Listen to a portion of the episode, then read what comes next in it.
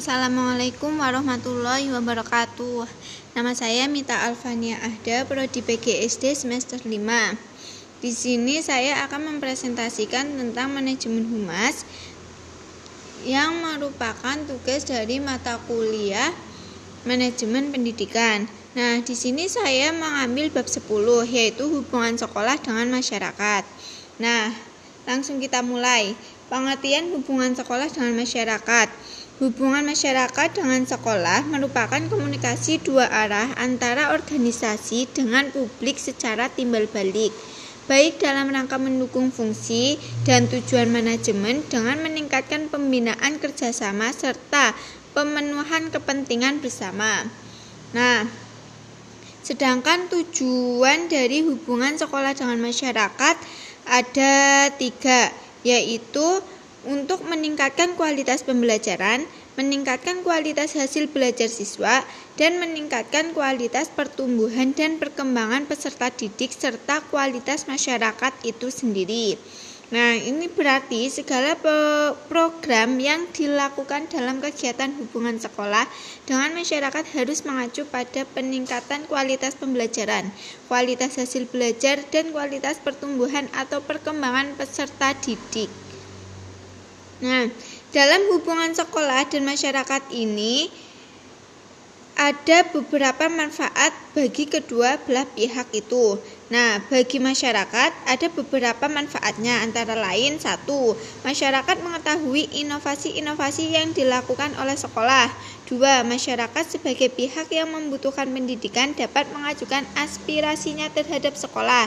Dan yang ketiga adalah masyarakat dapat memberikan kritikan dan saran yang berguna untuk sekolah apabila ter terdapat program, keputusan atau tindakan sekolah yang tidak sesuai dengan harapan dan kebutuhan masyarakat.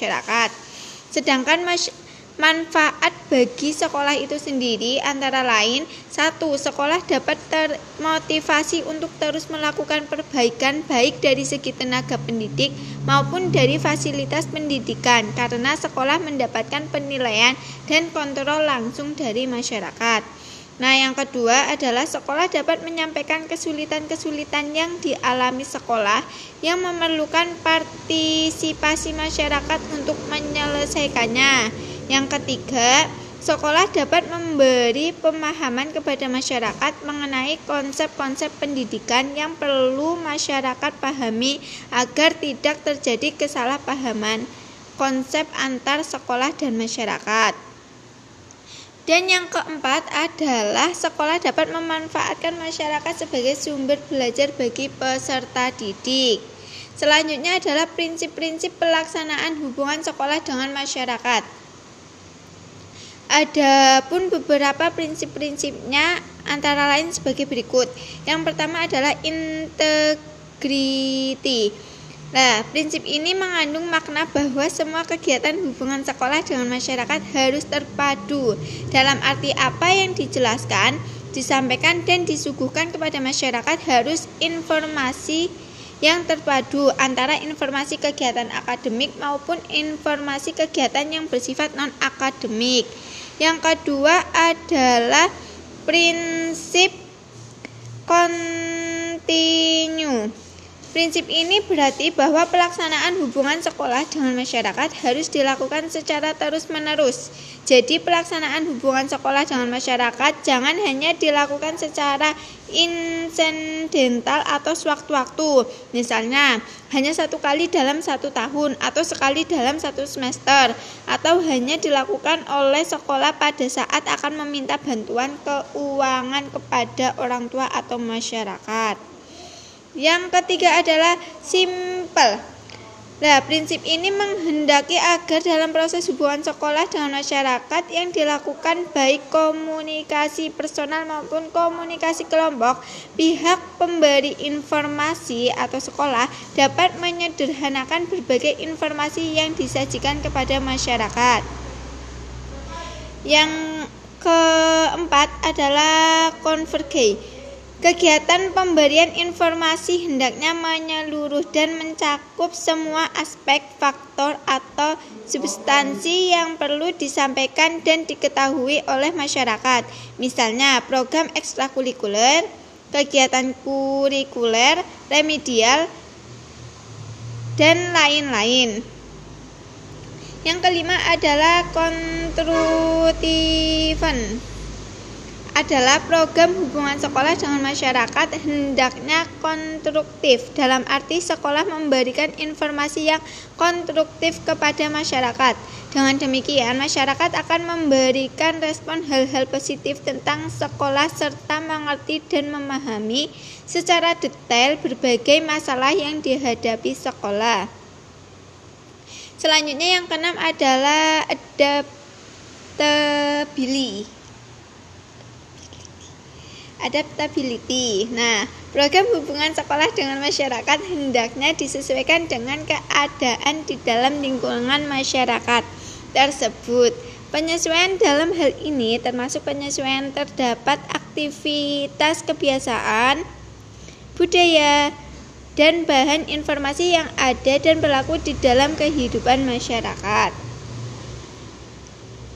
Nah, selanjutnya adalah teknik dan bentuk hubungan sekolah dan masyarakat.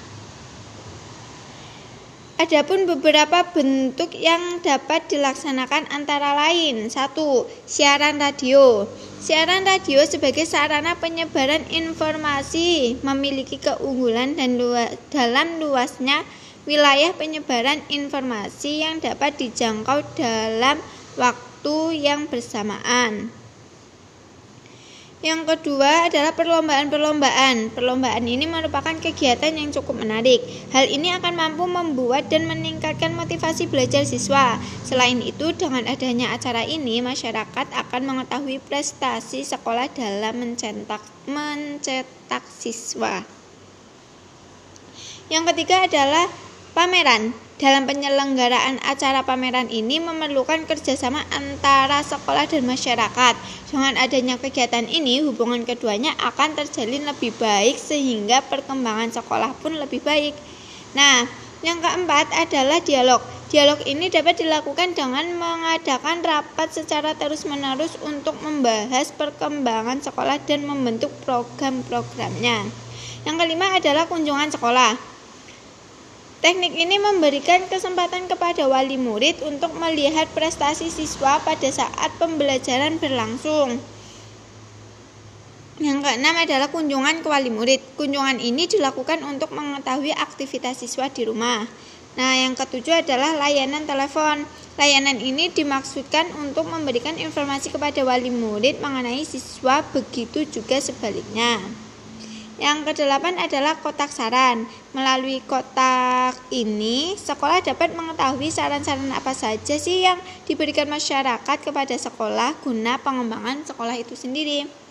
Dan yang kesembilan adalah kartu penghubung. Kartu ini memberikan diberikan kepada setiap siswa yang nantinya diisi oleh guru dan wali murid yang bersangkutan, sehingga wali murid dapat mengetahui perkembangan anaknya dan sekolah.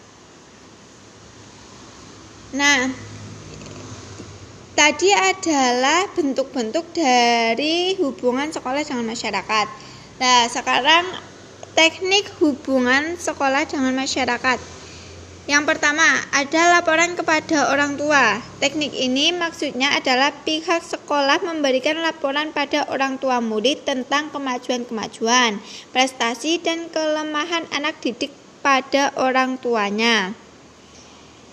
Yang kedua adalah majalah sekolah. Majalah sekolah ini diusahakan oleh orang tua dan guru-guru di sekolah yang diterbitkan setiap bulan sekali. Dan yang ketiga adalah surat kabar sekolah. Nah, kalau sekolah itu mampu da mampu menerbitkan surat kabar sekolah, maka maka Berarti sekolah dapat memberikan informasi yang lebih luas kepada orang tua atau masyarakat daerah sekitarnya. Nah, yang keempat adalah pameran sekolah. Suatu teknik yang efektif untuk memberi informasi tentang hasil kegiatan dan keadaan sekolah pada masyarakat ialah penyelenggaraan pameran sekolah. Ada bermacam-macam cara untuk mengadakan pameran sekolah itu. Sekolah mengadakan pameran dengan membuat atau mengatur hasil pekerjaan murid-murid itu di luar sekolah atau di sekolah. Nah, Yang kelima adalah open house. Open house ini adalah teknik untuk mempersilahkan masyarakat yang berminat untuk meninjau sekolah serta mengobservasi kegiatan-kegiatan dan hasil-hasil pekerjaan murid di sekolah yang diadakan pada waktu-waktu tertentu. Misalnya, sekali setahun pada penutupan tahun pengajaran. Nah, demikianlah paparan dari dari materi hubungan masyarakat dengan sekolah. Nah, dari penjelasan yang telah disampaikan tadi, implementasi yang bisa kita lakukan itu seperti yang tertera pada bentuk-bentuk hubungan sekolah dengan masyarakat. Atau bisa juga dengan kalau sekarang kan lagi apa ya maraknya COVID-19 ini jadi semua pendidikan itu dilakukan secara daring. Lah, untuk tetap menjalin hubungan antar sekolah dengan masyarakat itu bisa dibuatkan sebuah grup paguyuban yang di mana grup WA paguyuban itu dianggotai oleh wali kelas atau guru mapelnya masing-masing beserta wali murid wali murid peserta didik kelas itu sendiri. Nah, itu adalah contoh yang mungkin bisa dilakukan untuk kondisi saat ini.